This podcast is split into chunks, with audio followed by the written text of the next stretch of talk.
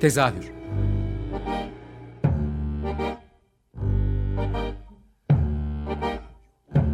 İstanbul tiyatro hayatı üzerine gündelik konuşmalar. What keeps mankind alive? What keeps mankind alive? The fact that billions are daily tortured, stifled, punished, silenced, and oppressed. Mankind is kept alive by bestial acts. Hazırlayan ve sunan Gülin Dede Tekin. Tezahürden herkese merhaba. Ben Gülinde de Tekin. Ee, bu hafta tiyatrodan, dayanışmadan ve şiirden bahsedeceğimiz bir program olacak. Ee, konuğum Tiyatro Düende'nin kurucularından e, İpek Taş'tan. Hoş geldin İpek. Hoş bulduk. Merhaba Gülün. Bu hafta İpek'i konuk olarak alma sebeplerimizden bahsedersek e, bir kere Çağrılmayan Yakup diye bir oyunda e, Edip Cansever'in o muhteşem şiirinde tek başına bir performans sergiliyor İpek. Ve bu oyunu da e, bir dayanışma örneği olarak Alikev Vakfı yararına oynayacak 12 Kasım'da. O kısmı ayrıca konuşacağız ama önce bir tiyatro Düende'den ve İpek'ten bahsetmek istiyorum. Sen kendini anlatmak ister misin? Düende nedir, kimdir? Peki, e, Duende 2013 yılında kuruldu. E, Gizem Tataroğlu ile birlikte yola çıktık. E, şimdi yalnız başıma devam ediyorum. E, zaten ilk işimiz Edip Cansever'in Çağrılmayan Yakup şiiriydi. Bir üç sezondur da devam ediyor. E, amaç şuydu, e, yani şiir üzerine hep çalışıyordum, düşünüyordum. E, yani konservatuvar dönemimde de ve e, şiirsel beden üzerine e, çalışmalarımı yapıyordum. Çünkü çok böyle psikolojik tiyatrodan ya da işte ne bileyim konvansiyonel tiyatrodan hoşlanmıyorum. E, fiziksel bir varoluş olduğunu düşünüyorum her şeyden önce sahnedeki zamanın, oyuncunun mekanla ve zamanla kurduğu ilişkinin ve bedeninin de tarifleyen bir beden değil, orada yeni ifade biçimleri arayan, yani tiyatronun kendine ait zamanı ve mekanı içinde tiyatronun kendine ait dilini e, yaratmasını hedefleyen bir oluş haline girdik ve bu yolda çalışmaya başladık Yakup'la. Düende ne demek? E, neden düende? Bir onu merak ediyorum. Çünkü bir iki röportajınızda gördüm. E, çok güzel de bir e, karşılığı var. Sizden de duymak isterim. Bunun çok güzel bir hikayesi var. Öncelikle onu anlatmak isterim. Şimdi duende İspanyolca bir terim. Çok eskilere dayanıyor. Aslında evlerde gürültü ve karışıklığı aynı zamanda berekete yol açtığı inanılan cinin adı. Sonra bu sanatta kullanılmaya başlıyor. Hani bizde şey der ya denir işte sende ışık yok filan. yani mesela Goethe şey diyor her sanatçının hissettiği hiçbir filozofun açıklayamadığı sihirli güç diyor. Ee, mesela eski gitar ustaları kullanıyor e, İspanya'da bunu. İşte sesin çok güzel, stil sahibisin ama muvaffak olamazsın çünkü sende duen de yok. diyor. Aslında var olmaktan kaynaklanan kişinin varoluş mücadelesiyle doğru orantılı olan bir aslında bakılma, izlenme ve e, dinlenme gücü gibi bir şey. E, Oruç Aroba ile konuşuyorduk. E, yürüme üzerine hatta bir çalışmam vardı onun için gitmiştim. Şey dedim kendisi çevirmiş aslında. Yani. Lorca bunu kuramlaştırıyor. Sonra çevriliyor işte Türkçe'ye. Oruç Aroba çevirmiş. Dedim ki ya hocam çok zorlanıyoruz. Yani bunu anlatırken. Yok ya zor bir şey değil dedi. neydi dedi o korsanlarla dövüşen bir çocuk vardı onun adı neydi? Ee, şey mi dedim şu an ben de unuttum. Peki. Neydi e, masalın adı? Peter Pan. Peter Pan. Hı. Sonra evet dedim. Onun bir tane cini vardı. Neydi o? Tinkerbell. Tinkerbell. Ha işte Duende o dedi. ya aslında. ya evet yani hem bir sihir, peri, işte sanatsal güç, varoluş mücadelesi falan böyle çağrışımları var e, çağrılmayan Yakup'ta da seni aslında bu tarif ettiğin şeyde tek başına görüyoruz. Yani böyle. Olmaya çalıştığım bir şey yani var olmaya çalıştığım ona doğru gitmeye çalıştığım bir şey. Öyle bir iddiada bulunamam da. E, yani en azından izleyiciler olarak diyelim. e, 12 tane taşın var. Çakıl evet. taşın ve çakıl taşı da çok naif bir şeydir. Ve onların arasında masmavi hepsinin içinde sen tek başına. Evet. E, 45 dakikalık bir performansın var. E, tiyatro diyeyim daha doğrusu. E, şiir çok fazla e, tiyatroda karşılığını bulduğumuz bir şey değil. Yani e, çok az örnek var ama mesela benim hatırımda e, e, hatırladığım ve defalarca izlediğim Ben Ruhi Bey Nasılım gibi bir devlet tiyatroları e, örneği var. Mu muhteşem bir işte umarım izleme şansı bulmuşsundur. Bulamamıştım. Çok küçüktüm. e, bu şiir uyarlaması hani biraz normal işlerden de farklı bir durum. Ee, çağrılmayan Yakup'ta öncelikle sen, seni çeken neydi? Hani bunu bir tiyatro oyununa çevirmek e, nasıl kafanda canlandı ve sahnede seni nasıl izliyoruz? Nasıl bir uyarlamayla izliyoruz? Ya da uyarlıyor musun? Nedir karşılığı izlediğimiz Aslında şey? öncelikle şunu söyleyeyim. Metinde tek bir değişikliğe gitmedik. Ne bir şey çoğalttık ne azalttık. Ee, benim karşılaşmam bir arkadaşımın bana okumasıyla oldu şiiri. Ben çok heyecanlanmıştım. Sonra da duyduğum andan itibaren hep bırakamadım. Okumaya devam ettim. Hatta nasıl ezberlediğimi hiç bilmiyorum. Ve e, okuduğum andan itibaren şiir benim için hareket etmeye başladı. Yani gerçekten böyle gece yatağımda uyanıp hareket etmeye başladığımı hatırlıyorum. Onunla ilgili şiirle ilgili kafama gelen imajları yazdığımı hatırlıyorum filan. Yani dolayısıyla aslında bir şey şiiri tiyatro oyunu yapmaya çalışma çabası olmadı bizimki. E, şiirin bendeki etkisini ve bedenimdeki etkisini ortaya koyma çabası oldu daha çok. Sahnede de bunu e, görüyoruz. Yani uyarlama diye bir şey görmüyoruz aslında evet, diyorsun.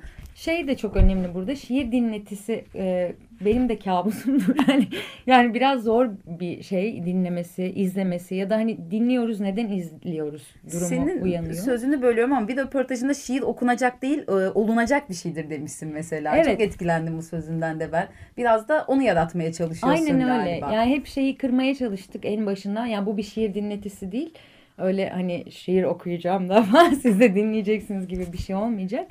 Ee, orada tabii ki şiiri sesliyorum, söylüyorum ama içinden geçtiğim durumlarla orada e, içine girdiğim atmosferlerin bana yaptığı şeyle o şiiri konuşuyorum aslında, okumuyorum. Hmm, Peki e, aslında benzer bir şey soracağım ama cevabı tam bu muydu bilmiyorum. Yani çağrılmayan Yakup'taki Yakup aslında gerçek bir adam. Bunu biliyoruz. Evet. E, bilmeyenler için de söyleyelim. e, Asmalı Mescid'deki Yakup Meyhanesi'nin sahibi. Vakti zamanda Refik'te çalışan, e, Refik Meyhanesi'nde çalışan reklama giriyor mu bilmiyorum. Şey Girdi ama bayağı. onu bilemedim ama ama o sadece ismen var orada. Yani hani figür olarak onun üzerinden çok başka bir felsefi, toplumsal ve politik e, konuşmalar yani e, süzmeler geçiyor şiirde. E, ve bu çok kişiye özel de bir şiir. Yani o yüzden şeyi e, sormaya çalışıyorum. Sahnede izleyen seninle ilgili bir senin gördüğün taraftan mı görüyor yoksa tamamen e, evet dedim bir şiir okuma değil bu ama e, o izleyene de bıraktığın bir açıklık mı? E, onu çok merak İzleyene ediyorum. bıraktığım bir açıklık. Öncelikle şunu söylemek istiyorum. İşte Yakup kimdir Hı hı. sorusuna istinaden. Şimdi Edip Cansever'in kendi söylediği şey ben bir temayı tipleştirmeye çalıştım. Yabancılaşma teması Evet. Diyor. Sonra kızıyla görüştük. Hatta premiere gelmişlerdi. Yani dedim ki gerçekten kim bu Yakup? O da şey dedi yani e, Bodrum'da babamın hep izlediği bir balıkçı vardı. Hiç kimseyle konuşmayan Yakup adında biri. Hmm. Ondan sonra yazmıştı bunu dedi. Aslında o zaman meyhaneci tezi çürüdü biraz Aa, benim için. Ama şey yani iç kaynaklarda genellikle o Yakup Evet. olarak geçiyor. Hatta Öyle vefatında da geçiyor. arkasından çağrılmayan Yakup gitti üzerine Evet, bayağı evet. bir söylentiler oldu. Ama aslında Edip Cansever'in bununla ilgili beyan ettiği bir şey yok. Kızının Hmm. da bana söylediği o hiç kimseyle konuşmayan balıkçı Yakup ki çok uyuyor duruma. Çünkü hani işte deniz kenarına gittim diyor yosunlar, kumlar, şeytan Hmm. minareleri diyor. Hep denizden bahsediyor. Ee, ve e, hiç kimseyle konuşmayan, hiç kimsenin de konuşmadığı bir balıkçı ve adı Yakup. Bu Ve yanlış Edip bilgiyi Cansever de de- bir taraftan Evet. aslında e, temizlemiş olalım Evet. kafamızdan yani. Ee, onun dışında neyi söyleyecektim? E, sahne Unuttum. seyirciye bırakan bir durum mu? şöyle. Şimdi biz bir gün hatta söyleşili bir oyun yapmıştık. Birkaç abi gelip çok sinirlendi. Çünkü e, herkesin görmek istediği bir Yakup var. E, yani Yakup bir düşünceyi dile getirdiği için ya aslında söylediği şey şu. Ne söylersek, ne yaparsak yapalım bütün bunlar yeryüzünde kalacak diyor. İnsanların kurbağalaşma halinden bahsediyor. Yani bir güruhun onun gibi düşünmeyen birini gördüğü zaman tek renk olup bağırmaya başlaması, onu bir odaya alması, sorgulaması vesaire. Şimdi şeyi yani düşünce suçlusu Yakup'u görmek isteyenler var. İşçi Yakup'u görmek isteyenler var. Öğretmen Yakup'u görmek isteyenler var. Vesaire vesaire var. Bizim için önemli olan şuydu. e, Yakup olmak bir hal aslında.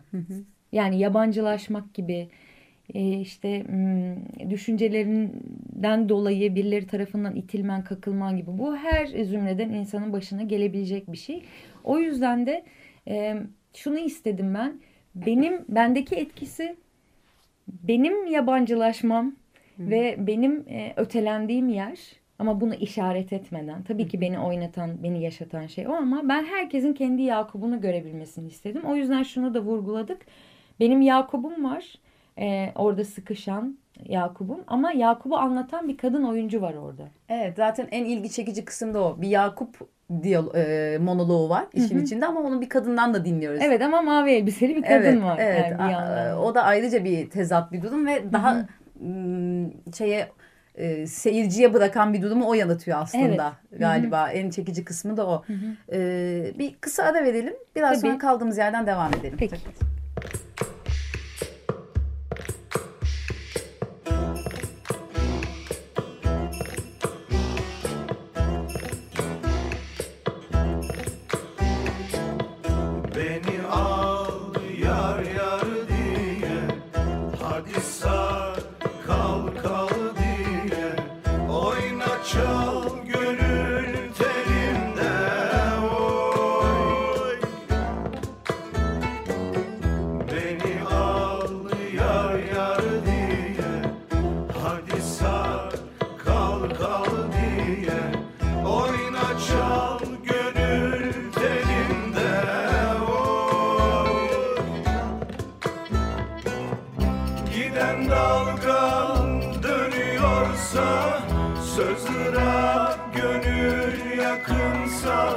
Belki derin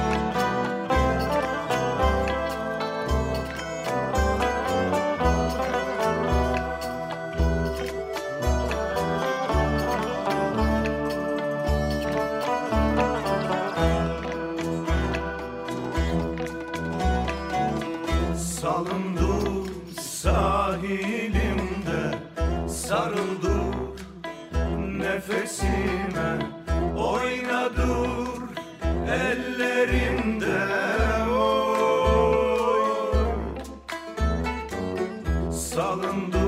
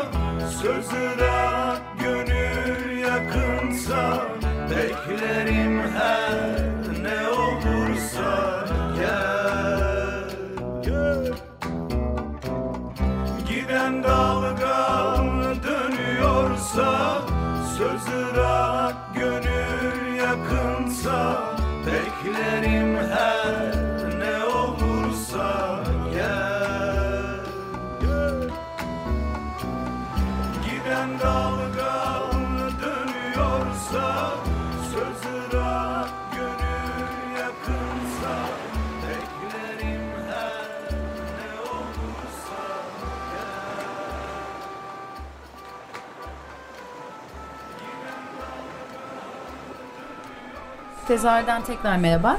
Ee, bu hafta İpek Taşlan ile e, Çağrılmayan Yakup oyununu konuşuyoruz. Ali Kevyelar'na 12 Kasım'da oynayacağı oyunu. Ee, oyuna tekrar döneriz ama burada Ali Kev'i almışken istersen o konuya biraz girelim. Dinleyicilere de özellikle neden burada olduğumuzu tekrar tekrar hatırlatalım. Ee, 12 Kasım'da e, Caddebostan Kültür Merkezi'nde Ali Kevyelar'na bu oyunu oynayacaksın. Evet.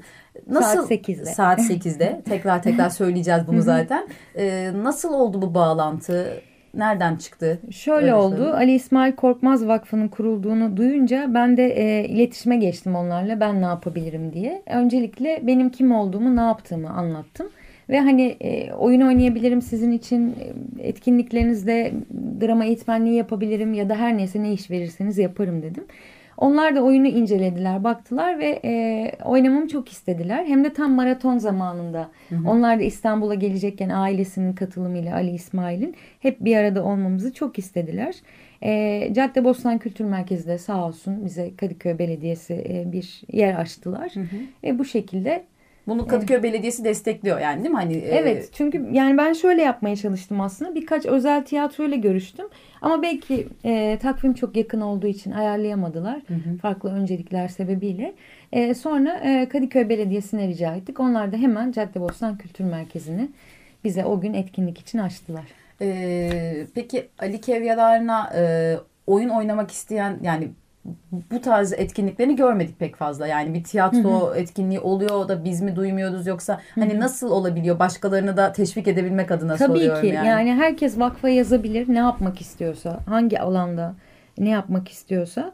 E, hemen ilgileniyorlar, hemen geri dönüş yapıyorlar. Çok büyük bir enerji var şu anda hakikaten. Çok büyük bir e, mutsuzluğun üstüne inşa edilmiş çok büyük bir umut var. Hı hı. E, hatta 13 Kasım'da e, Kurbağa Prens diye bir de çocuk oyunu oynanacak Ali Kevyar adına. Kurbağalar Art uçuşuyor. Evet kurbağalar. Çağrılmayan Yakup. Yani bütün bunlar tesadüf değil tabii bence. E, kurbağaların biz ayaktayız buradayız demek şeklinde bir şey oluşuyor galiba. Onlar da 13 Kasım'da. Bir daha o ekibin adını söyleyebilirsek. Yani Tabii ki Art House Hı-hı. 13 Kasım'da e, 16.30'da Kurbağa Prens adlı çocuk oyununu oynuyor. E, Esenyurt'ta bu mekan. Hı hı. Böyle. ee, Aynı zamanda koşu var. Ha, evet tam Maraton oraya gelecektim. Var. Maratona da değinelim. Evet. E, Emel Korkmaz'ın, Gürkan Korkmaz'ın koşacağı. Annenin zaten evet. özellikle Twitter'da ciddi bir şey aldı bu Hı-hı. koşu paylaşımı. Rekor Hı-hı. kırdı diye biliyorum. Evet. O, o koşudan da biraz bahsedersen nasıl katılınıyor? Şöyle aslında bugün Tiyatro son gündü. aslında bugün ama. son gündü. Ee, yani ama hala belki bir şey yapılabilir. Kayıt olunuyor, bir profil açılıyor. Herkesin koşabileceği şeye göre, yaptığı sporlara göre. Ee, ve 13 Kasım'da farklı yerlerde e, koşu düzenleniyor. Herkes kendi yapabilirliğine göre artık e, koşuyor ve bu şey bağış toplanıyor. Ha, tam ya burası bu bir, nasıl bir destek olarak Ali Kev'e evet, dönüyor onu soracaktım. E, burs e, fonu açılıyor hı hı. ve herkes bir öğrencinin bir yıllık eğitim masrafı için koşuyor oluyor aslında. Hı hı, Destekleniyor. Yani profillerimiz var. Ben de açtım bugün paylaştım. Herkes hı hı. destekte bulunuyor. Biz koşuyoruz. Onlar da destekliyor. Bu da öğrencilere burs olarak geri dönüyor. Okay. Bu işin e, dayanışma kısmı buydu evet. ve güzel olan en güzel olan kısmı da evet. bu. E, çağrılmayan Yakup da bununla çok örtüşen bir oyun aslında. Yani hı hı. böyle e, tam bir analiz e, oyunu, toplumsal bir hem politik hem e, sosyolojik olarak bir hı hı. çerçeve çiziyor. Bu çağrılmayan Yakup'u şu anda ülkede kıyasladığında yani kim sence böyle çağrılmayan Yakup olarak karşımızda duruyor? Ben şöyle bir şey yaşamıştım. Dedim ya hani 3 sezon oldu. Ee, ben çağrılmayan Yakup'u oynamaya başladığımda ikinci sezon Utku Kalı sorgulanıyordu. Hmm. Ve e, bir gün gerçekten ona mektup yazarken şey demiştim. Ben şu an Yakup'u oynuyorum. Bir gün kurbağaların elinden kurtulduğunda senin de izleyeceğini düşünüyorum demiştim. Geçen sezon Utku gelip oyunu izledi. E, o zaman hatta Sol gazetesinde bir röportajımız olmuştu. Orada da sormuşlardı. Benim için Utku Kalı'ydı. Hmm. Çünkü yani hani güç sahiplerini e, rahatsız ettiği için bir şeyler bir kurban seçme isteği duyuyorlar ve onun üzerinden bir sürü insana gözdağı vermek isteği duyuyorlar. Hmm. Şu an bilmiyorum hepimiz biraz Yakubuz aslında hmm. ama Utku'yu çok anmıştım ve hayatımın en mutlu günlerinden birisi Utku'nun kulise geldiği andır. e, biz bu şeyi programı hani canlı yapmıyoruz. Kayıt olarak alıyoruz hı hı. ve e, biz bu kaydı aldığımız gün e, Türkiye'de çok da iyi şeyler olmuyor aslında. Evet, evet. Yani hem Aynen gazete öyle. Cumhuriyet gazetesine yapılan baskınlar zaten birçok akademisyenler, e, akademisyenler ve evrensel, evrensel kültürün kapanması yani hı hı. ve birçok gazete Özgür Gündem o bu hani hangi birini sayalım ya da işte Gülten Kışanak'ın vesaire hı hı. içeri alınması seçilmiş insanların böyle genel olarak e, çok kötü bir pers yani hı hı. profil çizdiğimiz bir gündeyiz özellikle evet. model olarak da ama Çağrı olmayan Yakup bence 12 Kasım'da herkese iyi gelecek. Hem bir dayanışma, hı hı. Emel anneyi de tekrar görmek, o evet. o ayakta durma durdukları gücü görmek. Çünkü fotoğrafını bile görmek o kadar iyi gelirken hı hı. E, bir arada olmak ben tanışma e, şerefine de eriştim. Çok mutluyum hı hı. o yüzden. E, iyi gelecektir. Herkesin 12 Kasım'da saat 8'de orada olması gerektiğini düşünüyorum. Ne kadar kişi olabilirse e, atlamamak için çok hızlı geçtim ama hı hı. sen şöyle de bir şey söyledin e, Matine Suare gibi de oynayabilirim bu oyun dedin. Ona Tabii da bir ki. değinirsek. Şöyle oyunu özellikle 8 aldık. 8.30'da başlamayalım dedik. Oyun zaten 45 dakika sürüyor. Eğer çok talep olursa salon 125 kişilik. Ben bir 15 dakika ara verip sonra tekrar oyunu bir kez daha oynayacağım. Umarım gerçekten öyle bir ilgi, beraberlik olur. Ben sabah kadar oynayabilirim oyunu. Sonrasında da söyleşimiz olacak zaten. E, bilet fiyatlarını da söylemek ister misin? Tabii ki. Hı hı. E, bilet fiyatlarımız benim normalde oynadığım gibi öğrenci 25, hı hı. E, normal 30. Hı hı. Ama e, zaten Ali Kev'den etkinliğe girince görecekler. Böyle de katkı sağlayabilir insanlar ama isteyen istediği kadar vakfada bağış e, yapabilmek için istediği bedeli ödeyebilir maddi anlamda. Anladım. Ee, yani yavaş yavaş sona doğru geliyoruz. Senin e, başka tiyatral anlamda yaptığın işlerden de bahsetmek istedim. Neler var proje olarak? Şöyle iki sezon önce Yeni Metin Yeni Tiyatro'da bir oyun yazmıştım. Sahibinin Acısı diye. O da bir toplumsal yürüyüşte geçiyordu. Aslında Berkin'in e, cenazesi günü e, aklıma çakılan bir şeydi. Onun üzerine yazmıştım. Şimdi bu sezon onu sahneleyeceğim. Hmm. Umarım yine tek kişilik bir şey olacak. Ee, onun dışında bir arkadaşımın yazdığı oyun var. Onun gelişmesini bekliyoruz. Yani tek kişilik bir kadın oyunu. Onu oynayacağım ama onunla ilgili şimdi çok bir şey söylemek istemiyorum. Ee, seni daha çok toplumsal sorunlara değinen işlerde görüyoruz galiba. Galiba. Hani bu anlamda. Bir de şöyle bir şey var onu da söyleyeyim çok kısaca. E, Kurtlarla Koşan Kadınlar kitabı üzerinden Oo. bir proje yazdım. Bir fiziksel tiyatro projesi. İtalya'dan e, Alessandra... bir oyun Aslında hareketli bir evet. şey. Alessandra Paoletti ile birlikte geliştiriyoruz. Yazın Çok başında güzel. Intiyatronun İtalya'dan Intiyatronun desteğiyle araştırma sürecimize giriştik. Şimdi burada kadınlarla temel sorularımız üzerinden röportaj yapıp Intiyatro'ya gönderiyorum. Hı hı. Bir fon eşliğinde bir araya geleceğiz. İtalyalı ve Türkiye'li kadın sanatçılar olarak bir dans tiyatrosu işi yapacağız. Peki bu ilişkileri nasıl kuruyorsun? Hani kadınlarla röportaj diyorsun. Ne, ne yani o seçimleri kimlerle görüştüğünü hı hı. sen mi belirliyorsun yoksa bir sosyal platform üzerinden ben mi? belirliyorum. Sen belirliyorsun. Hı hı. Ne kadar çok farklı profilden insanla görüşebilirsem Onların Öyle. ee, o zaman ben geldiğin için çok teşekkür ederim. Ben teşekkür Beni de ederim. bu vesile yani bu işte bir vesile olarak e, olmama sebep olduğun için daha doğrusu teşekkür ederim. Ben teşekkür ederim. E, ben de orada olacağım büyük ihtimalle. E, umarım ki dinleyicilerimizden de e, gelenler olacaktır. En son senden küçük bir çalmayan Yakup'tan çekici bir şey alabilirsek çok sevinirim. Ee, en azından seyir dinleyicileri de çeker. Ee, böyle veda etmiş olalım. Herkese dinlediği için çok teşekkür ederiz. Sizi İpek Taş'tanla baş başa bırakıyorum. Ben de teşekkür ederim. Ben yani Yakup dedim ki kendi kendime. İnsan ne söylerse söylesin, kötü de olsa iyi de. İnsan ne söylerse söylesin ve ne yaparsa yapsın. Öyle değil mi? Bütün bunlar bir bir kalacaktır yaşamanın içinde diye düşündüm ya ben. Ben yani Yakup bütün gücümle bunu bağırdım. Ben ki bağırdım işte.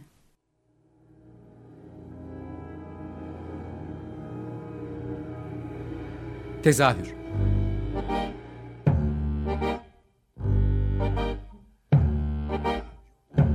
İstanbul tiyatro hayatı üzerine gündelik konuşmalar. What keeps mankind alive?